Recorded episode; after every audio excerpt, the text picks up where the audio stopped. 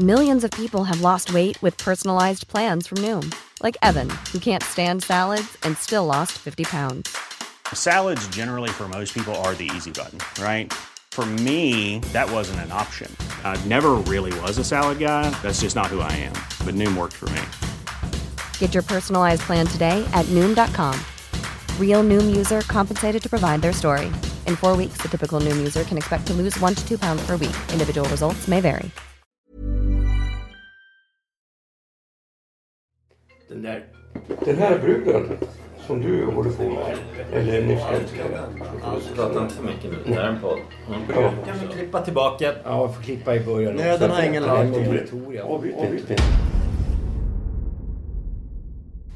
Välkomna till ett nytt avsnitt av podcasten Cyril och Stig i otakt med samtiden. Podcasten produceras av Storyhood. Dagens gäst, det första för år 2020, är vi själva. Och vi sitter här hemma hos Stig på Lilla Essingen idag. Och jag, vi, brukar ju, vi har ju inget manus när vi gör det här men jag har ändå gjort någon form av lite körschema vad vi ändå kunde prata om eftersom jag är precis tillbaka från Latinamerika och det är stora politiska omvälvningar där. Så tänkte jag vi kan prata lite om det. Det har ju varit också, det skedde i början av året där med Iran också som vi inte tog upp. Vi, vi hade ju ett höstas avsnitt om Iran vs Saudiarabien men nu är det ju Iran vs USA kan man säga. Ja, det händer väldigt mycket. Ja, så vi kan gå in på det också eftersom vi ändå har gjort så mycket utrikes förut och det är ju faktiskt kul. Eh, men sen, och sen tänkte jag också att vi kan, men vi kan också lägga fokus på Sverige för här händer ju mycket också. Eh, Aftonbladets eh, redaktionschef Martin Agård har nu också slutat så att deras vänsterkultursida ser ut att vara ett minne blott. Kanske liksom. I alla fall om man till och med ska tro Karin Olsson på Expressen. Som verkar sakna det. Ja, så det, alltså, det, det är en väldigt kon- allting är väldigt Ja. konstigt idag. Man vet inte vem som är Ja. vän och fiende. Nej, precis. Ibland är bra perso- personer dåliga. Ibland är personer som du är lite tveksamma till visar sig vara bra. Fan, Ja, även inte. där på det stora planet i politiken. Vänstern har nu gjort upp med KD och Moderaterna ser ut om att ge mer pengar till välfärden. Så att även där, vi kan ju gå in på det lite. Det har kommit många nya tv-serier. Många dåliga svenska tv-serier men många bra på Netflix. Och jag, jag, jag ser ju väldigt sällan tv-serier. Det är ju inte du heller så mycket. Men idag kan man ju knappt vara vid en middagsbord om man inte liksom vet lite vad som sker i tv-serievärlden. Så att jag, jag har lite pejl på det. Också på teater, vad som har kommit och gått. Och det har också varit en kultur, lite kulturdebatt om eh, dagens samtida unga svensk litteratur. Jag tänkte att vi kan gå in på det också. Men vi börjar då med Latinamerika. Jag, jag är som sagt i Argentina då. Argentina är ett av få från att hela Latinamerika de senaste, eller sedan 2000-talet gick över från juntor och nyliberaler till vänster. Så nu har det nu blivit en pendel tillbaka. Dels då nyliberaler som i Chile som har fått makten genom eh, demokratiska val då, men som är, beter sig auktoritärt då. Eh, men det, det har också blivit rena kupper kan man väl säga i, som i Bolivia och Ecuador och USA försökte kan man nog se nu i efterhand med en kupp i Venezuela i våras för den verkade inte ha folkets stöd verkligen. Och det tror jag inte det var i, i Bolivia heller. Eh, Peru har också en, den kan jag inte så mycket om, de har också en kaotisk parlamentarisk situation. Ja, det, var en, det var en bra artikel om Peru i Access av Ja. Nathan Shah. Ja, vi kan gå in på dem också. Det är också samma sak där. Högern försöker avskaffa vänstern. Men i, som i Venezuela verkar de inte, är de verkligen en minoritet. Där jag var i Argentina. Eh, är ett av de få länderna som har vänstern kvar. Uruguay månaden innan jag kom förlorade vänstern som hade då skött, det, det är intressant med Argentina och Uruguay och många av de här länderna att de har faktiskt skött ek- ekonomin. Man lär sig oftast, särskilt på universitet, att liberalism och sådär behövs för en bra ekonomi. Även du eh, Stig brukar ju hylla Pinochets ekonomiska framsteg. Nej, men att, att det var en tillväxt. Men som jag och Leo skriver i Spelet är spel, BNP. Det säger ju ingenting Nej, det om... Nej, men det säger också. ingenting om fördelning och hunger och... Det känner fattar väl jag också. Ja. Men det är ju ändå Ja. ett faktum att efter Pinochets kupp Ja. eh, och 10-15 år framåt så hade eh, alltså en BNP-utveckling som även gynnade gemene man. Ja, jag hade ju... Det var ju en kris Jag, väl. jag hade ju en fanatisk nyliberal eh, professor eller docent som lärare på 90-talet i ekonomisk historia som är känd där sedan 70-talet på den. Jag tror inte han lever idag men han hyllade ju alltid Kina och, och, och, och och Chile då liksom. Och menade att det behövdes diktatur för att, i början för att få en bra ekonomi. Att Sverige också var det vid förra sekelskiftet. Alltså jag tror att det är en väldigt så grundläggande Mm. sak som egentligen ligger utanför den här diskussionen. Det är frågan om funkar gällande avtal? Mm. I länder där vi med väldigt mycket korruption Mm. kan det vara nödvändigt med en auktoritär regim som helt enkelt eh, svarar med våld när du liksom bluffar och fuskar. Va? Och, alltså, och då, för, att, för att ekonomin ska funka, om du nu ska ha kapitalism, så måste det vara så att du litar på den du skriver kontrakt med. va? Och det, men det, som, det som jag lärde mig där på universitetet kommer jag ihåg med, när jag läste nationalekonomi och ekonomisk historia. Det var ju också att de enda femårsplaner som har lyckats med ekonomiskt verkligen. Det var Francos eh, femårsplaner och Storbritannien under andra världskriget som hade det för att det var en krigssituation. Men glöm inte Josef Stalin. Ja, Det var men, han som skapade det hela. ja fast alltså, det, alltså, jag tror inte femårsplanerna ändå gick så. Jo liksom. då. Ja, det, De var, låg på 35 procent. Okej, okej, okej. Men det som, det som är intressant nu med Latinamerika är att faktiskt Bolivia under Morales gjorde extrema ekonomiska framsteg och de blev till och med hyllade av Världsbanken som inte brukar hylla vänster eh, diktaturer eller halvdiktaturer eller vänsterregimer överhuvudtaget. Argentina där jag var till exempel, där har ju där hade då de senaste fem åren har det varit en nyliberal dynam Macri tror jag han heter. Eller mas- med något, något sånt. Eh, från att vänstern då eh, Latinamerika har alltid som Brasilien haft en väldigt svajig ekonomi och inflationer och sådär. Men vänstern eh, fixade till den eh, under sina år och, och betalade av statsskulden och sådär som, som nyliberalerna hade dragit på sig. Men nu under de här fem åren med nyliberal så sänkte de skatter och eh, tog nya lån och korruptionen ökade för de gav till sina egna rika kompisar och sådär. Så jag, har- jag var i Buenos Aires också för nio år sedan men nu var det tre gånger billigare. Eh, det var poliser överallt men det var för att han då som höger gillade poliser och satte in dem. Men det var också mycket mer kriminalitet och misär. Jag bodde i, i eh, San Telmo som man kan säga som Södermalm var innan det blev gentrifierat i, i Sverige. Alltså som det var på 70-talet. Lite slitet arbetarkvarter. Men ändå charmigt, inte, inte liksom råfattigt som Bocka där, där, där fotbollslaget och det kommer ifrån. Som är riktigt, kanske lite farliga kvarter. Eh, men här nu, så här var det inte för nio år sedan. Nu satt folk och drack i gatuhörn. Jag såg knivfights mitt på gatan och sådär. Det var i och för sig mycket centralamerikaner tror jag som lever lite i misär. Som har tagit sig neråt till, till de här områdena. Men ändå. Det var, alltså det var, ekonomin var i botten efter fem år med nyliberaler och eh, eh, Ja, och misären hade ökat. De hade också, men de fick då i december en ny vänsterregering som de då hoppas ska fixa till ekonomin. Eh, den här svenska argentinska konstnären Julia Peirone som du också känner. Hennes föräldrar var i, i vänstergerillan på 70-talet. Det var så de tog sig hit. Hon träffade jag där och hon, hennes, de kände ju de, de här nya regeringsmedlemmarna och eh, intellektuella författare och sånt som har torterats av juntan på 70 80-talet. Så jag satt ju och åt middagar med dem och de fixade så. Jag sa att jag gärna vill göra en intervju med Evo Morales för att efter kupp, nyliberalernas kupp mot honom antagligen kanske med USA kan man misstänka stöd. Så tog han sin flykt till Mexiko. Men därifrån tog han sig till Argentina. Det är bara Mexiko och Argentina som, eh, som accepterar någon som president fortfarande. Och, eh, så jag hade faktiskt mailkontakt med hans sekreterare. För jag var på väg att få en intervju där. Men jag hade bara två, tre dagar men, på mig. Men det är möjligt att jag åker tillbaka under, höst, under våren om jag får en intervju. Eh, Nej men om man ska koka ner det hela liksom till... Alltså jag kan inte svara säga om saker och ting är bra eller dåligt för jag har för dålig information.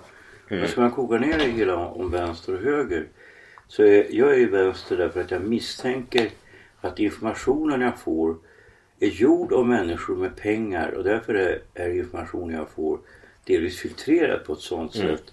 Alltså man tar det här med Venezuela att det funkar så dåligt med efter det här med, med Chavez. Va? Mm. Så misstänker jag att det handlar till stora delar också om kapitalflykt. Alltså är det som du har sagt till Latinamerikas kultur att det är mycket korruption och så. Alltså, korruption. alltså Chavez har ju, och den här Maduro har ju också varit korrupta. Ja, de är korru- alla är korrupta på ett eller annat sätt men jag är, min inställning är så länge de fattiga och folket har det någorlunda drägligt så är det bra. Mm. stora inkomstskillnader är per definition dåliga. Och den här idén om att gör de rika ännu rikare så, så sipprar det ner till de fattiga. Den idén är gjord av människor som är köpta av kapitalet. Punkt. Men sen har vi då som i, ja, i Ecuador där fick presidenten fly också för att hans vicepresident som har blivit höger från att ha varit vänster då eh, har störtat honom på något sätt. Och i, i Peru försökte då högern visa sig bara i valet fick de 6% eller någonting.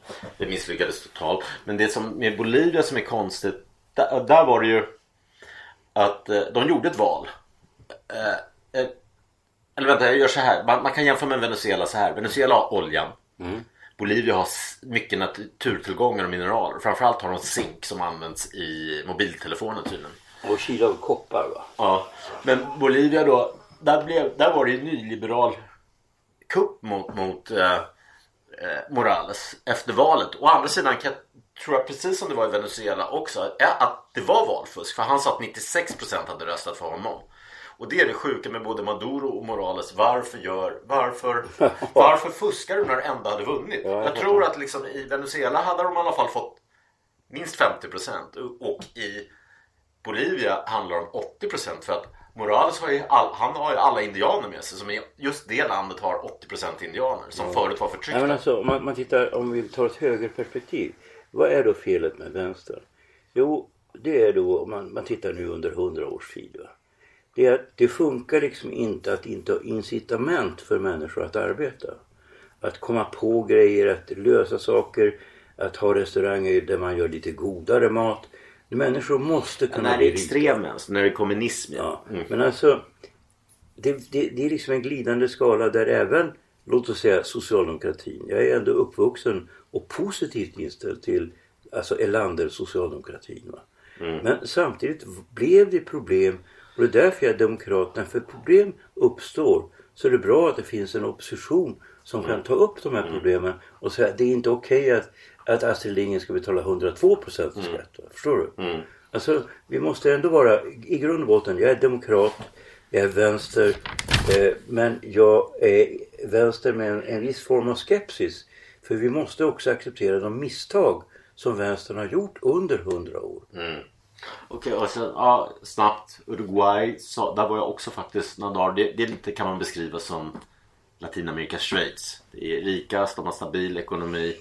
Det är lite tråkigare, lite tystare men samtidigt ja, de har bra ställen så turister gillar det. Jag tycker det är lite tråkigt. Men i alla fall där har det haft 15 år av vänsterstyre och otrolig tillväxt. Men nu var alla oroliga för där har de fått ett nytt parti. Man skulle kunna jämföra dem med kanske som Ny Demokrati var förr på 90-talet. La Calle Pou, så får vänstermänniskor som jag pratar med är väldigt oroliga. Men om vi tar tillbaka det allvarligaste nu eh, eh, där situationen är allvarligast tycker jag, där det börjar likna 1973, det är ju Chile som alla här i Sverige har väl någon relation till Chile för att det var så mycket chilenare som kom hit framförallt på 70 och 80-talet. 70-talet politiska flyktingar, 80-talet kanske mer ekonomiska. Många har flyttat tillbaka men ju, alla känner väl någon chilenare. Jag är uppväxt med många som framförallt Ja, alla känner väl chilenare. flydde. Ja. Eh, Allendes regim. Men det som har hänt där nu. Jag fick ju inofficiella siffror från eh, människorättsaktivister som å andra sidan är på vänster. Det, det, att det började kravaller angående att eh, tunnelbanepriset höjdes. Det önskar man kunde bli lite i Stockholm också kanske. Det höjdes till från 10 till 16 kronor tror jag. Men eh, det var väl bara liksom en eh, droppen som fick det att rinna över. För jag tror att det handlar om att man inte har gjort upp med den här gamla tiden. Det, det har du med Argentina också märker man att folk inte har straffats från juntan och sådär. Men nu gick polisen till hårt och de har också fått då en nyliberal regering. Polisen där och militär gick till hårt angrepp på studenter. Siffrorna nu, det, det har skrivits alldeles för lite om det här i Sverige. Det är ju, som jag har, det är att ungefär 100 stycken har fått plastkulor som också har metall inuti så att man blir nästan blind, man blir väl mer eller mindre blind. Som polisen har skjutit på demonstranter i ögonen. De siktar på ögonen. Cirka 500 kvinnor har utsatts för sexuella övergrepp i, i eh, häkten. Eh, två, cirka 2000 människor har eh, torterats i häkten. Och 100 människor är försvunna. Mm. Bland dem en hel del kända journalister från typ Argentina och andra länder och även Chile.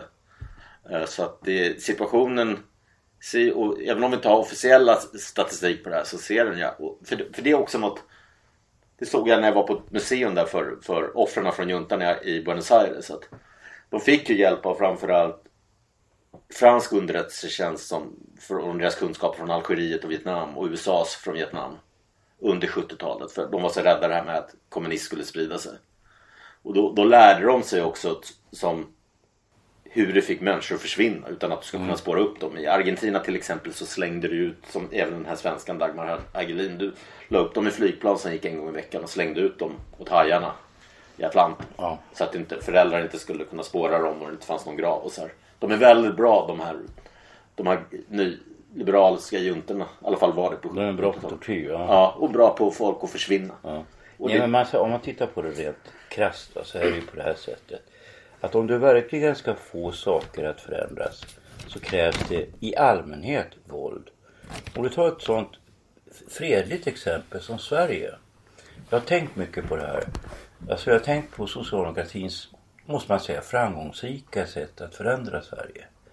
Men så har jag då funderat över, att, över det underliga faktumet att det tog så lång tid innan jag fick veta om. Jag är ändå liksom ganska beläst och ändå följt med i arbetarrörelsens historia. Men det var först 2004 när jag läste Gustaf von Platens bok om Gustav V som jag fick kännedom om att man på Norrmalmstorg hade uppmonterat kulsprutor för att skjuta rakt in i folkmassan. Och Sverige stod och vägde efter de här hungerkravallerna från Seskarö och neråt. Va? Vilka Alltså, år pratar vi nu om? Nu snackar vi 1917, våren 17. Va? Så Sverige höll på att bli kommunistiskt innan Ryssland. Och då skulle Sverige ha blivit det första kommunistiska landet. Det här har inte jag känt till förrän 2004. Fan, jag var nästan 50 år. Jag träffade faktiskt Och- den där gamla är den- syndikalisten som sprängde en bomb. Ja, den här Fick dödsstraff. Anton- Ja. Anton, eh, Blev, blev benådad. Jag Ja, träffade honom på 80-talet. Han kände Han, var ju, han blev ju syndikalisten. 100 år någonstans. Ja. Nej men alltså grejen är ju den att det här med våld är jag ju liksom lite skeptisk till. För att det innebär i allmänhet fruktansvärt mycket lidande och de flesta som förlorar är de fattiga. Därför att det är jävligt svårt att göra uppror. Alltså de som lyckas då till exempel det med den oktoberrevolutionen eller så. Va? Eh, det är ju då, de flesta misslyckas ju va. Och då är det så oerhört mycket lidande. Men det finns ju också en annan aspekt. Det är att de som härskar i samhället, de som har kapital, blir rädda när de står inför en möjlig revolution. Mm. Alltså Bob Marley sjöng A hungry mob is an angry mob. Ja, och då blir det också så att då är de beredda att förhandla. Mm. De, de, det är inte så att de är snälla, de är aldrig snälla. Vad fan ska de vara snälla för? Mm. Utan det är när de känner att det finns ett tryck. Och trycket är alltid, handlar alltid om våld. Det är otäckt men så är det. va. Mm. Men det är så jävla mycket onödigt våld som består av att ungdomar gillar att hålla på med att liksom bråka. Mm. Alltså man tittar på, eh, tittar på 68 i Europa. Mm. Hur jävla realistiskt var det egentligen? Mm. Men ja, ja precis. Okej, det vi, vi glömt ett land så nu är vi klara med hela Latinamerika. Vi får väl bjuda hit Kajsa Ekis så vi har en för jag större expert. gra- under- Gratulera ja. henne till Leninpriset. Ja, ja, jag tycker just det namnet klingar illa. Nej, nej. Marx eller någonting. Nej, Lenin var ju, han var ju Jag också hade en Lenin ovanför min säng när jag, i full längd. Ja. Eh, Han fick syfilis i hjärnan, vilket han förtjänade. Kan jag, Jag var 17 år. Kom igen. Ja. Men i alla fall, eh, det vi glömde är Brasilien och Latinamerikas största land. Lika stort som USA till ytan, kanske större. De har ju den här Jair Bolsonaro som har kommit till makten framförallt med hjälp av den här äh, frireligiösa kristna rörelserna som har spritts över hela Latinamerika. Men han får ju han har gjort uttalanden som får äh, Trump att kännas som äh, feminist och han har mer eller mindre önskat livet ur homosexuella och just nu när jag var där i Argentina så var ju folk upprörda att hans son som är av samma virke då har retat eh, presidenten, den här vänsterpres- nya vänsterpresidenten i Argentina. Han har en son som är transvestit.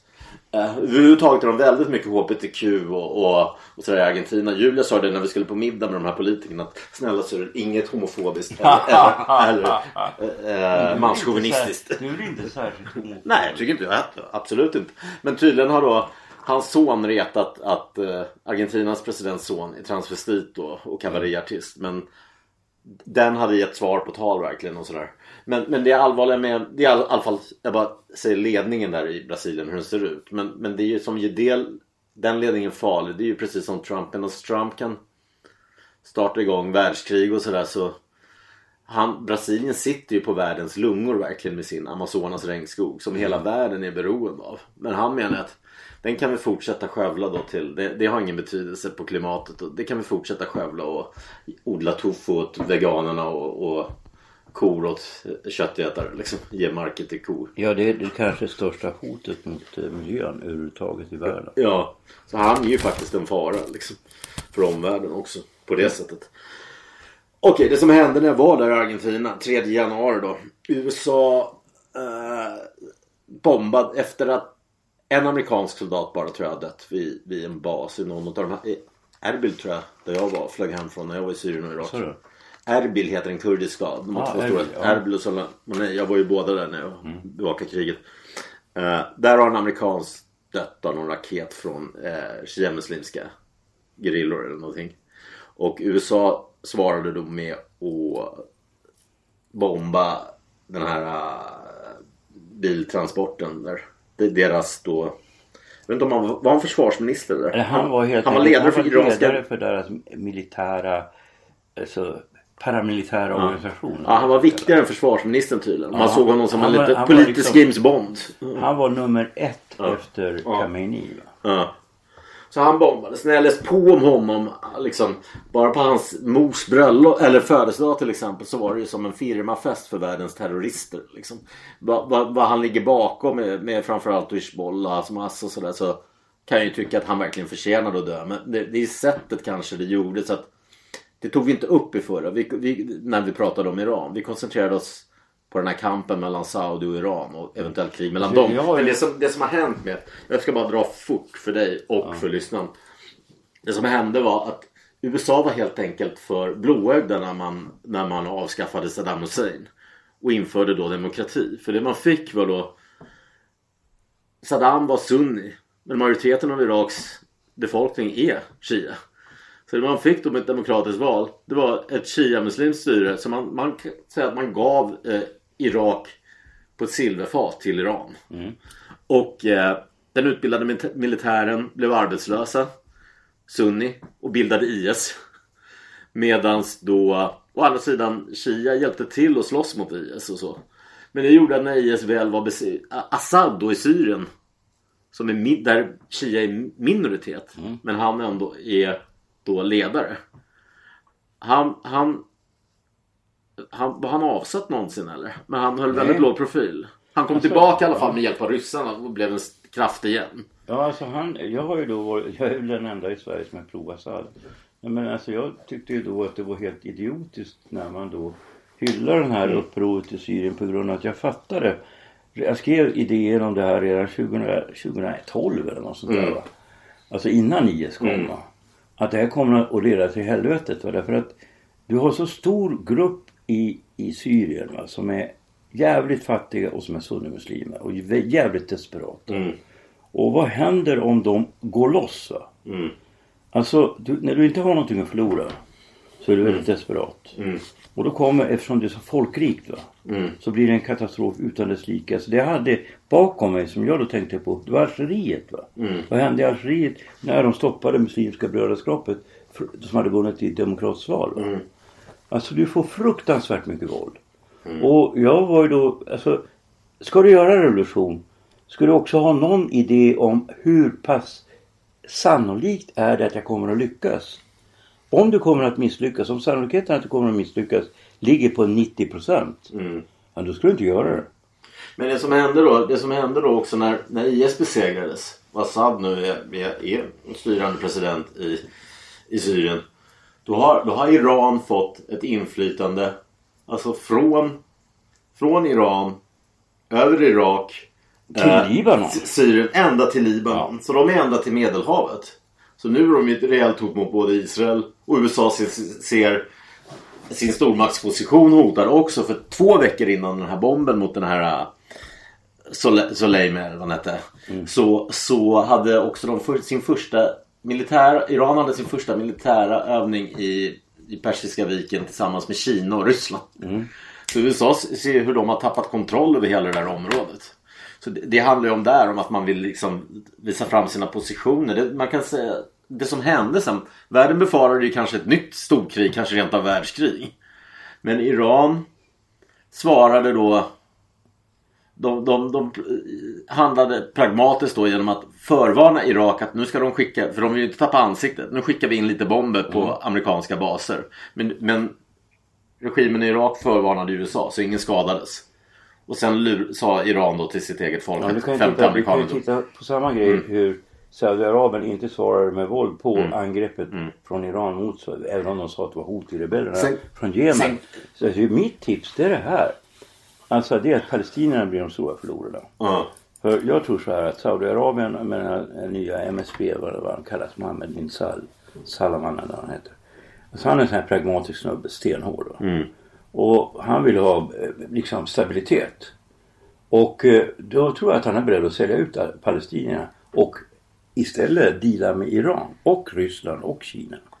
Ja, vet, det, det som hände då när man befarade ett världskrig. Då, men det, det, det här gör ju för sig att man undrar hur, hur bra deras militär är. De sköt ner ett passagerarplan med 20 svenskar bland annat. Som skulle till Kiev. Men det var ett misstag. Eller Minsk. Ja, det var ett misstag. Men att de då inte kan skilja på ett amerikanskt bombplan och ett passagerarplan. Det låter ju lite... Ja men alltså herregud, när du befinner dig i en krigssituation så är också kontrollen över eh, dina, dina liksom militära styrkor obefintlig. Direkt det händer något så agerar du. Det som var förvånande att... A lot can happen in the next three years. Like a chatbot may be your new best friend. But what won't change? Needing health insurance. United Healthcare Tri Term Medical Plans are available for these changing times. Underwritten by Golden Rule Insurance Company, they offer budget friendly, flexible coverage for people who are in between jobs or missed open enrollment. The plans last nearly three years in some states, with access to a nationwide network of doctors and hospitals. So, for whatever tomorrow brings, United Healthcare Tri Term Medical Plans may be for you. Learn more at uh1.com. It's that time of the year. Your vacation is coming up. You can already hear the beach waves, feel the warm breeze, relax, and think about work. You really, really want it all to work out while you're away. Monday.com gives you and the team that peace of mind. When all work is on one platform and everyone's in sync, things just flow wherever you are. Tap the banner to go to Monday.com.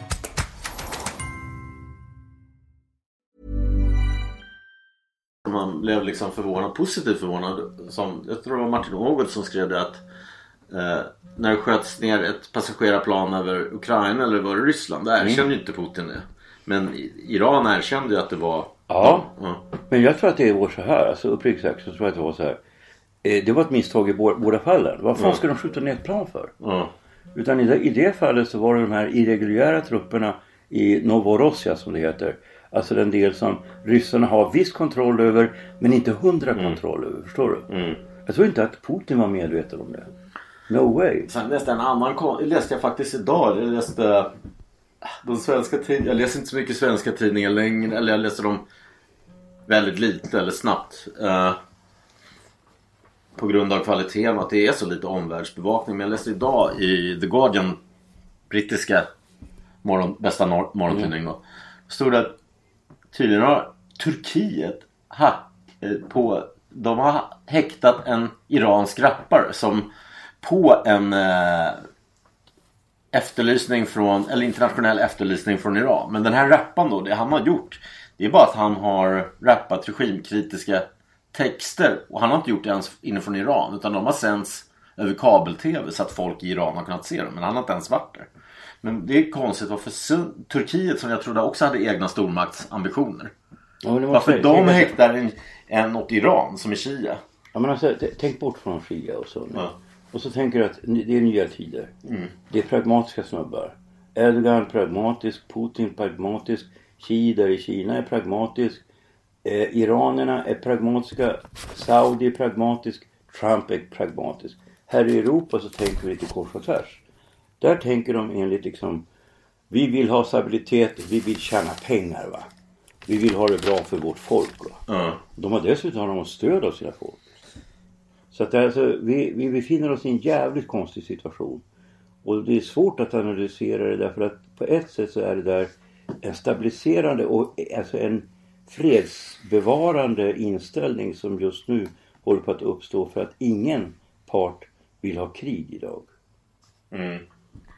Okej, men då, då är vi väl klara med utrikespolitiken. där. Jag hade ju tänkt att vi skulle ta några nedslag om aktuella kulturer kulturhändelser. Men vi kan börja med en grej tycker jag. Det är ju det som har varit senaste veckan tycker jag. Att, att, eh, att Vänsterpartiet går ihop med, med Moderaterna och KD och sänker vad ska man kalla dem? Ska man kalla dem socialdemokrater eller liberaler? Ja, men jag, Deras jag vet budget- alltså hela den där frågan tycker jag. Jag tycker att det allvarligaste det är att Åsa var tvungen att gå och att Martin blir sparkad. Ja, vi börjar där då. Okej, Det vi börjar där. det tycker jag är mycket allvarligare. Okej, vi börjar där. Då, eh, Åsa fick gå i somras. Sen fick Martin då, som var hennes redaktionschef, han fick gå nu här. Mm. Eh, och båda de var ju vänsterprofilerade. Och jag tyckte, jag läste, det var ju faktiskt Karin Olsson tyckte jag. Hon verkade, eh, tyck, skrev ju själv att det finns en fara nu att allt blir som eh, DN. Ja visst, alltså. Karin, Karin är Jag gillar ju- jag, jag känner Karin lite grann. Som liberal borde hon själv vilja ha ett Ja, motstånd. men jag känner ju både. Karin och Åsa och jag tycker båda två är bra även om de inte liksom är kompisar. Men alltså Karin, hon har någon känsla för eh, rätt, rättskaffenhet. Eh, det är liksom inte okej att pusha ut folk som har haft en stor betydelse för att skapa en profil för kultursidan. Nu har ju då Aftonbladets kultursida varit, kan man säga, även historiskt sett ovanligt mycket vänster. Och eh, det har också behövts, tycker jag, i Sverige. Även om jag inte alls håller med dem i alla, frågor och så. Eh, så är det nödvändigt att det finns liksom en spridning på eh, in, inställning, åsikter. Och ska allting bli som Peter Wolodarski? Nej, det är inte bra. Med honom kan ju, där har det ju också varit en debatt att han har ju varit, han har gått i taket för, på Alexander Bard. Ja. för att Alexander Bard har varit, har gått i debatt och jag tror han också varit med då på någonting med Nordiska motståndsrörelsen eller då någon nassar och varit och argumenterat. Men det är ju faktiskt en liberal tanke att man ska möta motståndaren i debatt. Ja, så mycket kan vi säga om Alexander Bard att han är ju vän till min familj. Det var ju faktiskt, han började som låtskrivare en gång i tiden åt min brors bolag Sonett. Ja, nej, men alltså, han jag känner honom lite och jag har gjort intervju, vi har haft politiska diskussioner. Han, det som är positivt med honom tycker jag att han har väl alltid varit omkring där i, i liberala och konservativa fältet. Men det positiva med honom är att han ofta byter åsikt. Och det tycker jag man ska göra också. Om man, Ja, all- alltså- samhället alltså- förändras och ens åsikter kan förändras. Alltså han, jag har ju varit i diskussioner med honom på fester och så här flera gånger. Och det är underbart att diskutera med honom för han är väldigt intelligent. Ja, men det jag menar, så mycket vet jag att han inte är nazist. Alltså, Han är naturligtvis ingen nazist. Men jag kan alltså- förstå alltså, han kan- om han är jude att man blir upprörd. Men ändå. men han kan ta en diskussion med mig när då, det var precis när jag hade blivit eh, bibeltroende kristen. Va? Ja. Och det här med homosexualitet och så. Va? Och han tog det liksom jävligt bra. va. Och Ja. att det är väldigt bra att kunna diskutera med en sån som du. Ja. Och jag respekterar dina åsikter. Och sen diskuterar vi det, alltså öppet. Mm. Och jag tycker Alexander Bard, han visade sig också ett extremt mod eh, när det gäller det här med metoo. Mm. Det var ju han och Andreas Klerup eh, som var männen som sa någonting. Jag vågade inte. Eh, Okej, Eh, tycker du vi ska skita i det här som har varit med, med svenska ekonomiska uppgörelsen? Att, att man, jag det tycker jag, det här är bevis för det som jag det ville vara inne med Argentina förut. Att i vissa perioder kanske man behöver en liberal politik verkligen med fria tullar och sådär. Och handelsfrihet för och låga skatt och, och sänkta skatter för ekonomin. När den behöver en skjuts. Men Latinamerika har ju visat nu med vänsterregimerna att där är det ju vänstern som har fått upp ekonomin. Och, Ja. eh, och eh, nu, och som med Argentina de senaste fem åren, nyliberalerna som har sänkt den.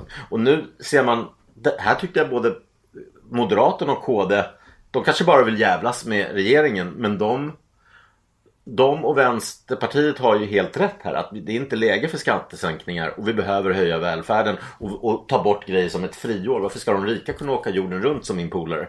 För att vara det, ledig är full, det är fullständigt vansinnigt. Det är en flört med den här, uppriktigt sagt, Ja. jag kanske inte ska säga så, men ganska hemska människan Annie Lööf. Eh, och eh, jag uppfattar ju det att Tänk om Socialdemokraterna inte var så infiltrerade av den dumma vänstern. Utan istället hade varit som de danska Socialdemokraterna. Och fört en gammaldags vänsterpolitik med en något stramare inställning till det här med kriminalitet och det här med invandring. Då hade vi inte haft problem Ja, jag, jag läste, alltså jag blev förvånad. Jag läste, tog en gratis prenumeration på, på och jag ska nog fortsätta prenumerera för jag tycker de kan behöva, det var inte en dyr prenumeration de erbjöd och de kan behöva stöd. Det var Proletären. Först när jag läste den så var jag så här Fan, är det här en SD-artikel? För den var invandrarkritisk utan att vara rasistisk. För det måste man säga om SD. De riktar ju inte, de riktar, de riktar ju in sig framförallt på mellanöstermänniskor, muslimer, Ja, alltså, alltså de, har, araber. ju- de har ju sina skumma. De är ju inte invand- det är ju de in- invandrarna de utpekar och, och afrikaner. De, de, de pekar ju inte ut latinamerikaner eller kineser eller judar på samma sätt. Eh, men den här i proletären var kritisk då ur, det pers- ur arbetarnas perspektiv. De vill inte ha hit för billig arbetskraft. De vill inte ha att löner ska sänkas. De vill ha facklig trygghet. Eh, de vill inte ha att, att, det ska, de vill att, det ska vara sänkta arbetsgivaravgifter för en viss grupp bara för att de är invandrare och sådär. Liksom. Nej, Så men jag har alltid de, haft, jag har alltid haft en, så... det här är kommunistiska partiets tidning. Jo, men jag har alltid haft en så sport för, för alltså just eh, ärrarna som de kallades på den gamla tiden när jag gick med dem. Det var ju 1971, det var väldigt länge sedan. Hur fan, hur länge sedan är det nu? Det är 50 år sedan nästan. shit. Eh, I alla fall så, så var det ju det att de inte var vänster på det där lite löjliga sättet att de hade liksom palestinasjalar och du vet höll på med vegetarianism och försvar för vargar och samer och vad fan som helst. Utan de var renodlat för arbetarklassen. Sen att de var stalinister blev ett problem för mig. Va? Men jag kan inte komma ifrån att jag upplever att ärarna alltid, och det är också den enda vänsterorganisation som obrutet finns kvar i Europa ända sedan dess, sedan 1970. Och som har delvis haft framgångar i kommunalval, Gislaved, Karlshamn, eh, eh, Mölndal tror jag. Ja. Eh, och ute i landet och har alltså fortfarande huvudsakligen arbetare som röstar på dem. Eh, ja, sen tänkte jag de här, de här grejerna är lite som, tyckte, som jag reflekterade över.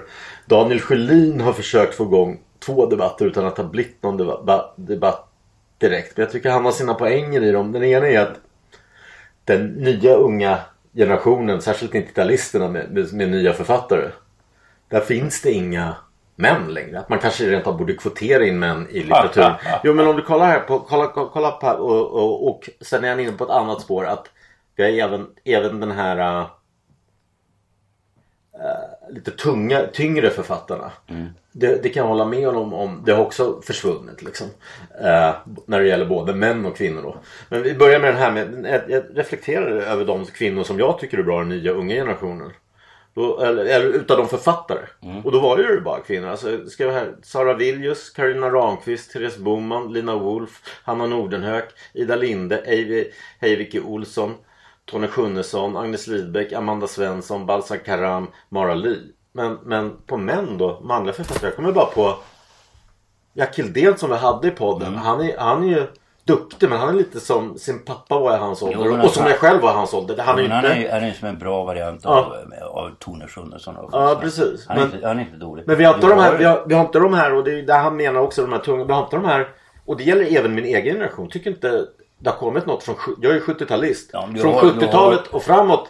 Det har inte kommit något som Alltså Ja, som dina har- böcker i början och Magnus Dahlströms. det har inte kommit har någon ju- djupt tung Du har ju litteratur. liksom alltså Andres Topendal, Maxim Grigoriev, eh, David Väyrynen. Nu pratar du om någon mm. Ja. Eh, du har ju flera stycken unga men de får inte särskilt mycket uppmärksamhet. Så. Nej, det kanske det är. Ja, igår var jag faktiskt på en kortfilmsfestival. Och då var det ju bara det var fem regissörer, alla var kvinnliga.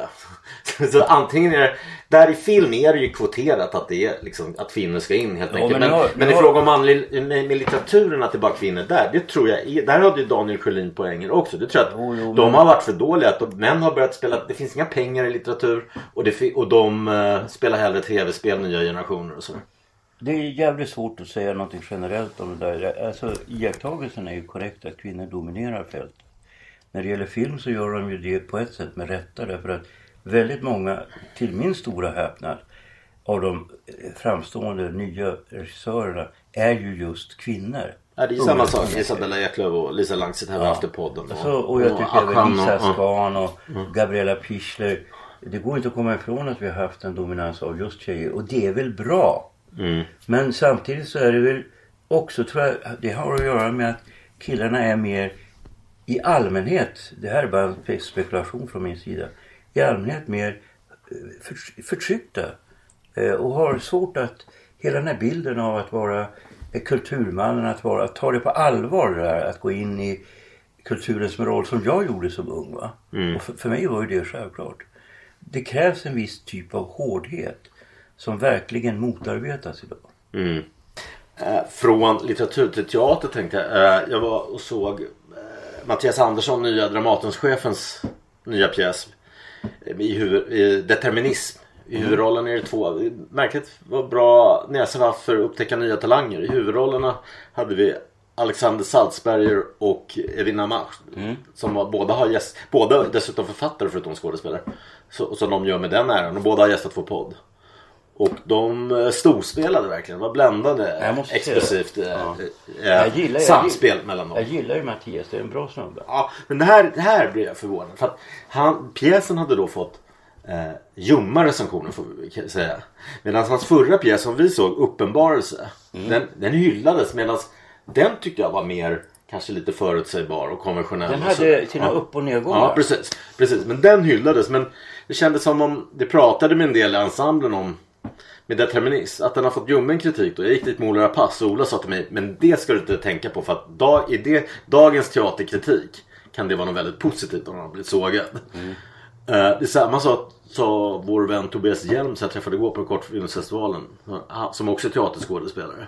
Han sa också det att det är någonting med, med teater. Kritiken är inte densamma och i frågan om Mattias känns det ju som det är också det här att när man har nått toppen som man har gjort nu som Dramatenchef då, då vill recensenterna sätta sig på dem, trycka dit honom. Jag, jag, jag ser för lite teater för att verkligen kunna uttala mig om det. Utan det har mer, jag tycker vi borde försöka få hit Leif Zahn, som jag har respekt för. För att han har ändå lite perspektiv Jo, jo. på det här.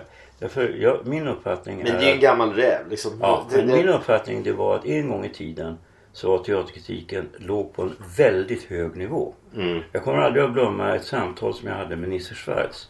Eh, Jag jobbar ju då på, kultur, på Kulturen på Expressen och vi skulle gå ner och käka. Och då sa han, Hörru du, har du sett den här eh, uppsättningen av Wojciech av Stefan Larsson? Nej. Ja, du vet, jag undrar ju för att eh, jag och Lars Ring hade så olika åsikter om det där. Och du vet, ingen tung kritiker inom litteraturfältet skulle tycka att det var konstigt att de hade olika åsikter. Mm. Men inom, inom teatern var det så att du vet, du är så nära skådespelarna. Du befinner dig 20 meter ifrån dem. Du ser ju för fan om det är bra eller dåligt. va? Och har du, om du dissar en pjäs som är bra så är det liksom, då känner du, fan jag har gjort bort mig. Och det gjorde att teatern, för att kritik är jävligt viktigt för teater, mer viktigt än vad det är för litteratur. För dissar du en pjäs så försvinner den och den kommer ju inte upp igen. Mm. En, en bok finns ju kvar. Mm. Och det gjorde också att teaterkritiker kände ett starkt ansvar för sitt, för sitt jobb. Och de hade också en helt annan status. Att vara teaterkritiker var högre status än att vara litteraturkritiker. Jag tror att, hon, att den som, om det var DN som gav uh, Mattias Andersson en, sån här ljummen recension. Att den recensenten det var en ny ung kvinnlig dramatiker som själv vill, eller liksom Ja. nästan konkurrent till honom. Alltså, Men du vet, tidigare tillät inte riktigt tidningarna det där va. Alltså du hade, du kunde inte göra bort det hur mycket som helst. Jag var ihop med en tjej som, efter vi hade varit ihop så började hon jobba på Expressen och så gjorde hon en miss. Hon skrev ingenting om, om skådespelarna, det måste man ju göra. Men hon visste ju inte om det, det var inte hennes fel. Och jag skällde ut henne och sa, vad fan håller du på med? Eh, men då fick hon ju problem, förstår du? Alltså du, du, du gör en recension som inte är adekvat på något sätt. Va? Så uppstod det problem och det gjorde att, att teaterkritiken en gång i tiden kunde verkligen vara vägledande för en publik. Det tror jag inte längre att den är. nej. Men var det inte så ändå liksom så här Bergman lappade ju till en recensent att man satte sig på folk. Just det, jag började undra om teaterrecensenter är lite primadonner eftersom hela världen är för, även skådespelarna är primadonner. Att det är en värld av det. Ja, visst var det så. Och Bergman hade naturligtvis också problem. Men nu måste man också tänka på en sak. Alltså jag har mycket höga tankar om Bergman. Han har varit väldigt generös mot mig. Eh, men som eh, teaterregissör så hade han inte samma stabilitet som han hade som filmregissör. Han gjorde misstag. Jag vet ju den här uppsättningen av Hamlet som fick kritik i, i Dagens Nyheter och Tove Ellefsen som skrev recensionen fick stora problem efter det. Men hon hade egentligen rätt. Okej, eh, ja från teater tänkte jag då det här med tv-serier. Nu är inte jag någon stor konsument men jag kan väl ta upp det. Alltså, I Sverige har det varit akt- är det ju akt- två nya tv som har kommit eh, nu. Den ena är Kalifatet att man har gjort det här med om svenska IS-återvändare. Så många vänner, särskilt de kurdiska som har varit där nere i Syrien var väldigt upprörda över. För man har gjort det här lite, jag tycker den har skildrat bra det här liksom den här parallella världen vi har, vi har i, i Sverige liksom med rekryterare med, med, och sådär. Men, men de här IS-människorna, de, de, alltså det skil, även svenskarna som drar till IS där, det skildras lite som att det är ett pojkstreck de begår. Medans Alltså jag har ju själv hört vittnesmål. De, de, de, jagar med mer mardrömmar nästan mer än det jag såg där med döda människor och så. Liksom från pappor som har fått se sina döttrar våldtas och kvinnor som har gruppvåldtagits och all död. Och liksom man, alltså, jag har ju läst, just nu läste jag en bok också från en yazidisisk kvinna. Läste jag när jag var på semester.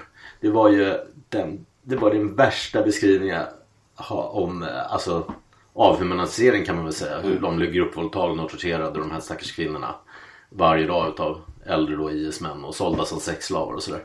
Jag har läst mycket om andra världskriget, alltså sen barndomen om, om eh, andra världskriget och förintelsen och Kambodja och Röda khmererna och så här. Men, men det här, alltså det går inte, det är grader i helvetet liksom. Men, men IS är nog det mänsklighetens värsta liksom rövavant som grymmaste som har funnits. Så jag tycker de tar det för lätt i den här svenska serien Kalifat. Nej, jag har inte sett det så jag Ja. kan inte svara på En det. annan svensk serie som det, de, den är på SVT på TV4. Det är Hamilton. Ja, vi har ju vår vän där, Tom, Tobias Hjelm som är min barndomsvän också, gammal Odenplanare. Han är ju med där. Men jag, måste, jag sa det till honom igår och jag tyckte att den är ju bedrövlig. Alltså, de, har ju lagt ner 40 miljoner på den där serien kanske men det, dialogen är fruktansvärt klyschig. Varenda scen är en klyscha. Uh, skådes, jag har inte sett Tobias, jag hoppas han är bättre men skådespeleriet också. Alltså, alltså, den är provocerande dålig helt enkelt. Ja, Du, okej. Stackars Jan Guillou kan inte haft med manuset att göra utan han har helt enkelt gjort som med Beck, vill tjäna, casha in på äldre dag kanske då bara. Ja, Byta ut kanske. sitt Men namn. alltså, jag, det enda jag har sett i modern serie det var ju då eh, det som byggde på Och jag är inte ensam om det här. Kroneman skrev en Ja, dräpande. Kron- Kronan är en bra Mm. kritiker. Eh, Nej men alltså det är ju, vad heter det, Mani Persson Giolitos största Mm. allt. Som ju var en, en väldigt välgjord Mm. serie, det måste jag säga. Jag var rätt häpen över... Ja, den var helt okej tycker jag. Den var på Netflix. Vi hoppas att Lisa Langset, att du och jag ska spela författare i hennes kommande Kärlek och anarki. Eh, Det är också Netflix och vi pitchar vår bok Spelet är spelet med topproducenter jag och Leo. Så vi hoppas den kan bli av. Eh, Det verkar ju så som att Netflix satsar på vissa länder. Ja. Nu såg jag en jättebra Netflix-serie om Carlo Tevez liv i uppväxten i favelan i Argentina. Den kan jag rekommendera verkligen. Apache La Vida de Carlos Tevez. Den finns på, på Netflix. Finns Okej. också finns flera spanska serier. Och ett land som de verkligen har satsat på Netflix det är Israel. som de har en grym så här, äh, action spionserie, Fauda. Fauda betyder kaos på arabiska. Och den, den är så bra för att den skildrar både Mossad och Palestina. Okej. Den tar inte parti nästan för någon kan man Nej. säga. Kanske lite mer Israel då. Men den är, den är väldigt spännande och bra. Den kan Ja, men jag det, det som jag upplever, det här är ju lite ytligt för jag ser så Ja. lite serier. Men eh, jag blev ju chockad när jag skulle titta då på Bron. Mm. I, I efterhand. Jag fick det på DVD. Hur, hur fruktansvärt dåligt det var. Va? Ja. Och då, tänk, då ja, det mesta är jag, ju skit. då tänkte jag så här, men fan det kanske är så att folk inte riktigt vill ha det bra. Nej. Nej men det tror jag, det började jag också undra när jag såg den här Hamilton. Men, men det, med Israel också på Netflix så har vi Shitzel, en serie som är mer humoristisk om ortodoxa judar. Också en toppserie. De har på gång en serie som kommer nu i veckorna som också israelisk som heter When Heroes Fly som ska vara bra. Eh, så det verkar vara ett land som de satsar på. Jag hoppas att det blir som i Sverige också. Att, att de tar fram bra serier då, till skillnad mot SVT. Ja, Sverige har ju väldigt bra skådespelare så det borde ju vara Mm. möjligt. Va?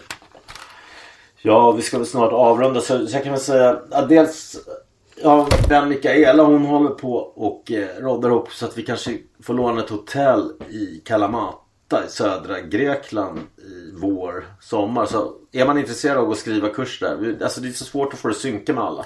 Överhuvudtaget vill man gå och skriva kurs får vi se om vi kan få ihop något under våren här. Då mejlar man cyrilochstig.gmail.com Vill man komma med på om man, en vecka kan vi tänka oss eller fem, sex dagar kan man tänka sig där i Grekland sista veckan i maj eller första veckan i juni. Då kan man me- mejla intresse om det också till Ja, det har ju varit så olyckligt att det alltid- har varit typ två stycken. Ja precis. Och nu ger vi den från och med på lördag, det ska jag påminna om, ska vi ge privatlektioner åt en. Vår bästa ledare. Sen kan vi säga Tina, kommer du ihåg? Den yngsta Ja. tjejen vi har haft som var där i Paris. Den Ja, där bartendertjejen. Ja. Ja, okej. Hon, hon har hon har debuterat med novell Floden man kan söka upp på internet tror jag. Och den finns också på, hon har också gjort en engelsk, den har också släppt på engelska. Eh, och den är helt okej tycker Ja, jag. Hon är så ung så hon kommer väl utvecklas. Den här vi ska ge privatlektion nu. Han är, känns ju nästan färdig. Han är lite Raymond Carver kan man säga. Ja, lite äldre så. Ja. Eh, sen kan jag väl också säga att jag är aktuell med Mitt mörka hjärta, Gangsterreporten som jag vill säga min bästa. Det tycker du också är min bästa tror jag. Den är aktuell som ljudbok så den finns på alla streamingtjänster och att köpa på Adlibris och Bokus också. Separat som ljudbok. En annan ljudbok som kommer här i veckorna det är en, en eh, ny version på en artikel jag skrev 2018 som blev väldigt populär som heter Det största derbyt om derbyt mellan AIK och Djurgården och eh, nej, nej vad säger jag, AIK och Hammarby och svensk huliganhistoria. Den var väldigt speciell att skriva för att det blev också en historia om mig själv. Det visade sig att jag, jag, jag gick ju och växte upp i, i Vasastan i Stockholms mest ökända innerstadsskola Matteus. Så det visade sig att då folk från ledande och grundare i alla tre Stockholmslagens firmor var mina gamla skolkamrater. Och inte nog med det. Eh, när jag då intervjuade poliserna för det här AIK Hammarby-derbyt. Insatsledaren Johan Barveus, mest känd för att han fångade in den här Akilov på, inom några timmar.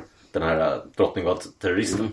Det är min gamla klasskamrat. Han skulle då tygla alla de här våra klass, skolkamrater som var ledare för firmen, de andra firmorna. Och så jag där mitt emellan. Så det blev, förutom att det blev en historia om svensk supporterkultur, AIK, Djurgården och Hammarby så blev det också en historia om mig själv och mina barndomsvänner. Så den kan jag rekommendera som ljudbok. Den kommer här i dagarna på alla, alla streamingtjänster finns. Ja men det är ett bra avslut. Ja, vad ska du göra här- nu? Har, Ja, jag försöker överleva. De har dragit in.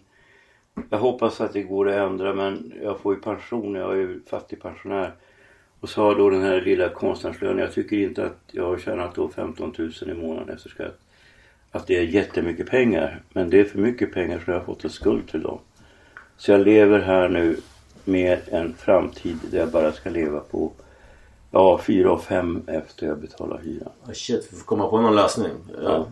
Fler skrivarkurser. Själv ska jag till Milano. swisha pengar. Ja, swisha in pengar. Vi, vi, det, swishnumret 123 535 4857. Nummer 123 535 4857. Själv ska jag till Milano med min son och se derbyt Inter Milan nästa helg. Ja, olika, Della Madonna. är, olika är ödeslotter. Ja men sen är mina pengar slut. Det var väldigt dyra biljetter. Okej.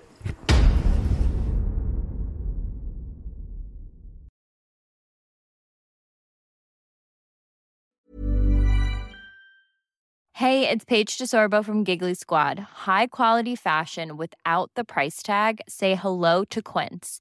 I'm snagging high-end essentials like cozy cashmere sweaters, sleek leather jackets, fine jewelry, and so much more. With Quince being 50 to 80% less than similar brands. And they partner with factories that prioritize safe, ethical, and responsible manufacturing. I love that. Luxury quality within reach. Go to quince.com slash style to get free shipping and 365 day returns on your next order. Quince.com slash style. When you make decisions for your company, you look for the no brainers. And if you have a lot of mailing to do, stamps.com is the ultimate no brainer. It streamlines your processes to make your business more efficient, which makes you less busy. Mail checks, invoices, legal documents, and everything you need to keep your business running with Stamps.com. Seamlessly connect with every major marketplace and shopping cart. Schedule package pickups and see your cheapest and fastest shipping options from different carriers. With rates up to 89% off USPS and UPS rates. And with the Stamps.com mobile app, you can take care of mailing and shipping wherever you are. Make the same no-brainer decision as over 1 million other businesses with Stamps.com. Sign up with code PROGRAM for a four-week trial, plus free postage and a free digital scale. No long-term commitments or contracts. That's Stamps.com. Code PROGRAM.